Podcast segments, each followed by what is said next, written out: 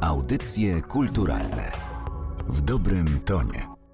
Przy mikrofonie Martyna Matwiejuk. Słuchają Państwo podcastu Narodowego Centrum Kultury. Dzień dobry. Dziś moim gościem jest Zuzanna Benesz-Goldfinger, kuratorka wystawy zatytułowanej Niewielkie resztki z Solnej. Izaak Celnikier wobec doświadczenia zagłady. Ta wystawa jest prezentowana w Żydowskim Instytucie Historycznym. Bardzo miło mi Panią gościć. Dzień dobry. Dzień dobry. Na tej ekspozycji zobaczą Państwo pracę z najmniej chyba poznanego i odkrytego okresu twórczości Izaaka Celnikiera, malarza, grafika, rysownika, który przeżył piekło wojny, który wielokrotnie był o krok od śmierci, ale udało mu się przetrwać zagładę. W latach 50. wyjechał z Polski do Paryża, już do Polski nigdy na stałe nie powrócił. I pamięć o zagładzie, pamięć o ludziach, e, którzy zginęli, jest głównym tematem e, jego prac. Dziś zebranie tych dzieł nie należy do najłatwiejszych zadań, bo to kolekcja rozproszona i do tego rozproszenia też doszło w ciekawych okolicznościach. Tak, y, jak wielu żydowskich twórców z Polski, którzy wyemigrowali poza granice naszego kraju, czy to w latach 50. w ramach emigracji 57 roku, czy to w latach 60. po nagonce antysemickiej marca 68, sytuacja wygląda tak, że zbiory tych artystów są rozproszone, tak jak i E, sami Żydzi, którzy żyją w dużej mierze w diasporze. I tak też było w przypadku Izaaka Celnikiera, który był związany z Warszawą. Tutaj się urodził w 1923 roku. Następnie po wybuchu e, wojny, po rozpoczęciu okupacji niemieckiej uciekł wraz z rodziną do Białego Stoku i tam mieszkał od 1939 aż do 1943 roku. Oczywiście w 1941 e, zamknięty w getcie białostockim, tak jak inni Żydzi. Żydzi i potem po całym piekle wojny wrócił na chwilę do Polski, ale później studiował w czeskiej Pradze i po studiach z malarstwa monumentalnego wrócił jeszcze na kilka lat do Warszawy. Był tutaj od 52 do 57 roku i następnie wyemigrował do Francji. Dostał początkowo stypendium ministra kultury i sztuki tylko na miesiąc, ale zdecydował się już pozostać na stałe we Francji. Stąd jego obrazy. Te, które pozostawił w Polsce są tutaj, potem rozwijał swoją twórczość we Francji. E, wiele prac też przekazał do e, kolekcji izraelskiej. Także prace rzeczywiście żyją jakby w diasporze. Z tego, co dowiedziałam się na wystawie, to chyba pierwsza jego praca artystyczna to były dekoracje wykonane do sztuki.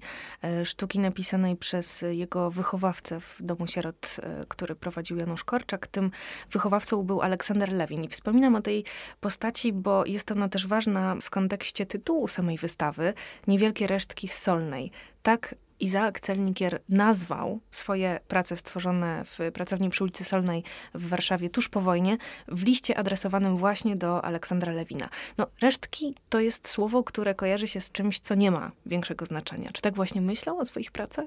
No więc właśnie, kilkakrotnie zaprzeczał sobie w tym temacie, ponieważ z jednej strony rzeczywiście w liście do Aleksandra Lewina nazwał ten zbiór resztkami z Solnej, ale w innym miejscu, opisując swoje zaangażowanie w organizację wystawy w Arsenale, ogólnopolska wystawa młodej plastyki w Arsenale w 1955 roku, napisał, że ten okres twórczości właśnie między 52 a 57 rokiem jest najintensywniejszy, najlepszy w całym jego dziele. Więc trochę sobie zaprzecza, budując jakiś pewnie też swój mit założycielski jako artysty. Niemniej jednak e, zdecydował się pozostawić tutaj te prace tworzone w latach 50., e, kiedy wyjechał one pozostały w rękach jego ówczesnej partnerki Ludmiły Stachnowej, czechosłowackiej artystki, która już e, do końca życia mieszkała w Warszawie. W 92 roku zmarła. Sama była rzeźbiarką i razem z Izaakiem stanowili dla siebie modele. On jej pozował do rzeźb i na wystawie jest prezentowana głowa Izaaka Celnikiera Dłuta Stechnowej, a ona znowu jemu pozowała do obrazów, które też prezentujemy. I mieszkała po jego wyjeździe wyjeździe dalej w pracowni przysolnej. Także w jej rękach zostały te prace, które następnie mm, no, po jej śmierci, ona była e, bezdzietna, więc przekazała je testamentem swojej przyjaciółce, Jolancie Walickiej-Kuleszy, a ta trochę nie znając e, pewnie twórczości, kontekstu powstawania tych prac, podzieliła je na kilka części i sprzedała do zbiorów e, różnych instytucji, między innymi do Muzeum imienia Jacka Melczewskiego w Radomiu, do Żydowskiego Instytutu Historycznego. Część trafiła też do Gorzowa Wielkopolskiego, gdzie kurator Jacek Antoni Zieliński stworzył galerię poświęconą twórczości artystów, którzy byli właśnie organizatorami tej wystawy w Arsenale w 1955 roku. I jeszcze wiem, że w latach 90. E, syn Izaaka Celnikiera i Barbary Majewskiej, Jakob Celnikier, przywiózł ojcu z Warszawy też jedną z części tych prac, więc przygotowanie tej wystawy troszeczkę było taką pracą detektywistyczną nad odszukiwaniem kolejnych części tego samego zbioru, który okazał się być częściowo szkicami do jidyszowych opowiadań i wierszy wydanych w 1957 roku, a więc tuż przed wyjazdem celnikiera do Francji przez wydawnictwo Yiddish Buch, a częściowo szkicami właśnie do obrazu Korea, czy innymi jeszcze e, też tematami, ponieważ celnikier w latach 50., będąc w Warszawie, był związany e, zawodowo jako ilustrator z przeglądem kulturalnym, z nową kulturą czy wiedzą i życia. To zapytam jeszcze o te idyszowe opowiadania, bo to też jest e, ciekawy wątek na tej wystawie. Prace Celnikiera są zestawione z fragmentami opowiadań przetłumaczonych na język polski. Tak, e, właśnie to też była dosyć taka żmudna praca. Ja jako nieznająca zbyt dobrze języka idysz, dopiero ucząca się tak naprawdę alfabetu, zlecałam tłumaczenia kolejnych e, opowiadań Avroma Reisena, często z, pochodzących z lat I wojny światowej albo nawet jeszcze wcześniejszych i odkrywając też bardzo specyficzny styl tego pisarza, który jako głównych bohaterów obsadza osoby wykluczone społecznie, często e, osoby bardzo biedne, albo prostytutki, albo zupełnie przegranych e, ludzi, którzy muszą sprzedać ostatni dobytek, żeby, żeby mieć na, na chleb. A Celnikier w tej powojennej e, lekturze tych idyszowych opowiadań jakoś odnajdywał też wątki z własnej biografii, swój też los takiego człowieka, który zupełnie chyba przypadkiem szczęśliwie ocalał i łączył te treści biograficzne z treściami zawartymi w opowiadaniach, tworząc ilustracje do nich. Czy podobnie możemy rozważać obraz Korea z 1954 roku? To jest obraz, który e, stanowi centralny punkt e, tej wystawy. Poświęcony jest on dramatowi wojny w Korei z początku lat 50. Czy tam także ten temat wojny jest przedstawiony uniwersalnie? Można tak powiedzieć. Celnikier w tym 54 roku po raz pierwszy powraca do tematu wojny, ale już nie tej, którą sam przeżył. Angażuje się na pewno w ten temat ze względu na swoje własne doświadczenia, choć oczywiście temat ten był bardzo aktualny wśród y, innych artystów. Y, można wspomnieć przecież Fangora, Matkę Koreankę. Niemniej jednak y, rzeczywiście Celnikier przystępując do tworzenia Korei przechodzi też jakąś taką ewolucję w poglądach na temat tej wojny.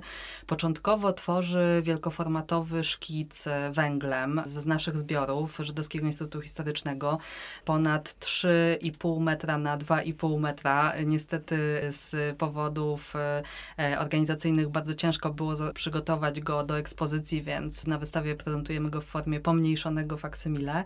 Więc na etapie tego wielkoformatowego szkicu e, Celnikier wyraźnie opowiada się po stronie koreańskiej, po stronie komunistycznej i tworzy szkic socrealistyczny, gdzie wyraźnie Amerykanie są e, utożsamieni jakoś ze złem, z imperializmem, z też porównaniami do nazizmu, a Koreańczycy jako odważni, dzielni, ale też ofiary właśnie. Y, kobieta martwa, dzieci obok przytulane przez koreańskiego żołnierza. Natomiast w ostatecznej realizacji malarskiej, wielkoformatowej również, zdecyduje się celnikier zamienić tego koreańskiego żołnierza przytulającego dzieci na jednak kobietę, czyli cywila, patrzącego widzowi prosto w oczy. Również te dzieci, które które mm, ona przytula, nawiązują ten bezpośredni kontakt wzrokowy. I jednak też jest tam zastosowany ekspresjonizm, już rysy twarzy nie są tak wyraźnie oddane, więc widać, że Celnikier troszeczkę zniuansował swoje podejście i bardziej chciał w tej ostatecznej wersji pokazać dramat ludności cywilnej, a nie stawiać się po, po którejś ze stron konfliktu. Co ciekawe, i na wystawie też starałam się to w taki sposób pokazać, naprzeciwko obrazu Korea, trzeba przejść jeszcze co prawda przez drzwi, jest projekcja z obrazem Getto z 55 roku i wcześniejsza wersja z 49. Ten obraz z 55 był właśnie prezentowany na wystawie w Arsenale i został wyróżniony w dziedzinie malarstwo. Tworzony rok później e, po Korei, prawda? I w tymże obrazie getto Celnikier również decyduje się na dodanie takiej postaci dziecka e, z prawej strony obrazu, tak samo jak w Korei. I to dziecko to jest w zasadzie też świadek zagłady. To jest prawdopodobnie nawiązanie do biblijnego Izaaka, który ocalał od ofiary, ale to jest też sam Izaak Celnikier. Chłopiec właśnie, który jest jakoś zobowiązany do świadczenia, ponieważ przeżył swój własny naród.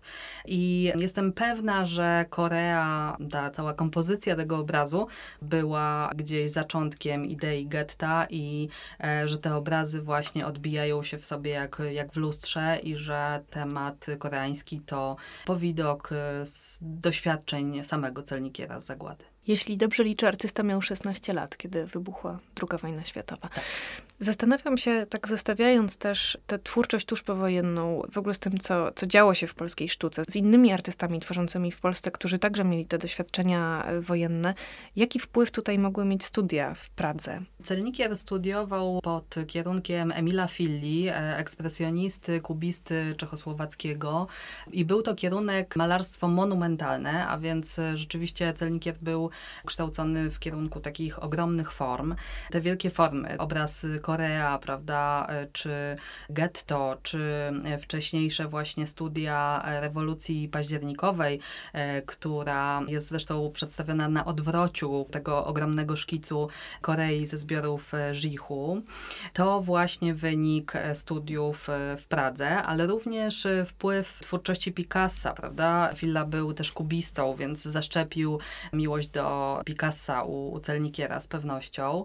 Także studia w Pradze mają, mają e, kolosalne znaczenie dla późniejszej twórczości. Z jednej strony właśnie te formy monumentalne, ale z drugiej strony pod koniec lat 60., już będąc w Paryżu, e, sięga po grafikę i te prace z kolei obrazują te najstraszniejsze chyba obrazy, które ma w głowie, obrazy z getta białostockiego, obrazy obozowe. W jaki sposób przedstawia śmierć w tych mm, no właśnie bardziej lapidarnych formach. Tak, to jeszcze opowiem o tym zwrocie, bo e, Celnikier w dziedzinie grafiki jest e, autodydaktą, nie studiował technik graficznych. E, dopiero po wyjeździe do Francji na początku lat 60. zaczął się tym interesować. Będąc w Cité des Arts w Paryżu, studiował niejako pod, pod kierunkiem swoich różnych kolegów stamtąd techniki graficzne. W Żichu zachował się też list do Józefa Sandla, w którym Sandel prosi e, celnikiera o wykonanie projektu Ex Librisu w 1963 roku, a więc widać, że mniej więcej wtedy celnikier zaczyna się tym interesować. Grafika jest e, szczególną metodą, dzięki której można coś wyryć, prawda? Wyryć w płytce e, obraz i celnikier po wydarzeniach marca 68 decyduje się właśnie wyryć w pamięci wydarzenia związane z zagładą na podstawie przedstawienia swoich osobistych przeżyć, najpierw z getta białostockiego, a później z kolejnych obozów śmierci, przez które przeszedł. Nawiązuje do cyklu Okropności wojny Francisco Goi, zarówno stylistycznie, ponieważ są to również takie ciemne obrazy zamazane liniami, z których wyłaniają się poszczególne postaci, jak również poprzez ironiczne tytuły, które nadaje swoim grafikom, tak samo jak Goya, często używając języka e, niemieckiego, którego celnikier nie będzie po wojnie chciał używać i w zasadzie zarezerwuje go wyłącznie właśnie do tych ironicznych tytułów swoich grafik, nawiązujących do okresu wojennego. I te prace także mogą Państwo zobaczyć na wystawie prezentowanej w Żydowskim Instytucie Historycznym. Kiedy prześledzimy biografię, zwłaszcza ten czas wojenny biografii artysty, no to trudno nie zauważyć, że sytuacji, w których było krok od śmierci, było całe mnóstwo i, i niejednokrotnie zdarzało się, że ginęli jego najbliżsi, jego znajomi, a on jakimś cudem uchodził z życiem. Można też powiedzieć, że trochę sztuka go uratowała. Tak, z pewnością. Ja mam taką teorię, że on miał bardzo duże możliwości szybkiego przystosowywania się do e, sytuacji, w jakiej się nagle znajdował, a także umiejętności performatywne, które w jakiś sposób e, pomagały mu na, tym, na tych kolejnych etapach jego tułaczki wojennej. Pierwsza taka sytuacja miała miejsce w listopadzie 1943 roku po zagładzie, po likwidacji getta białostockiego. Pomogła mu wtedy jego ukochana Gina Friedman z domu Halpern, którą e, celnikier uwieczni również w tej serii La Memoire Grave, wyryte w pamięci właśnie tej graficznej serii. Była to niezwykle odważna i piękna kobieta, która w momencie, gdy Niemcy zdecydowali się na rozdzielenie kobiet i dzieci, e, rzuciła się z nożem na Niemca i została zamordowana. E, niemniej wcześniej zdążyła bardzo pomóc samemu Izaakowi pchnęła go w kierunku grupy tak zwanych fachowców, czyli Żydów, którzy zostali wybrani przez Niemców do pracy, czyli ta lista w jakiś sposób chroniła ich przed bezpośrednim trafieniem do komór gazowych na późniejszym etapie. Celnikier rzeczywiście dołączył się do tej grupy niejako nielegalnie i zaczął z miejsca wchodzić w rolę trzeciego, młodszego brata braci Zajdenbeutel, Menaszego i Efraima Zajdenbeutlów, również malarzy, z którymi to celnikier się już nie rozstanie aż do momentu, w którym będzie świadkiem ich tragicznej śmierci w kwietniu 1945 roku, kiedy zostaną na jego oczach zabici przez Niemców łomami. Na kolejnych etapach najpierw trafił do obozu Stutthof, następnie do Auschwitz. Tam e, najpierw pracował w Kabel Kommando dla firmy Siemens, następnie właśnie w Maler Kommando, czyli w komandzie malarzy i e, już na tym etapie rzeczywiście ten fach e, malarski, chociaż trzeba pamiętać, że to był jeszcze chłopiec, mężczyzna przed studiami, takimi prawdziwymi studiami artystycznymi. E, niemniej jednak, powiedzmy, pierwsze takie szlify odebrał w domu twórczości ludowej w Białym Stoku, zanim nastąpił wybuch wojny sowiecko-niemieckiej.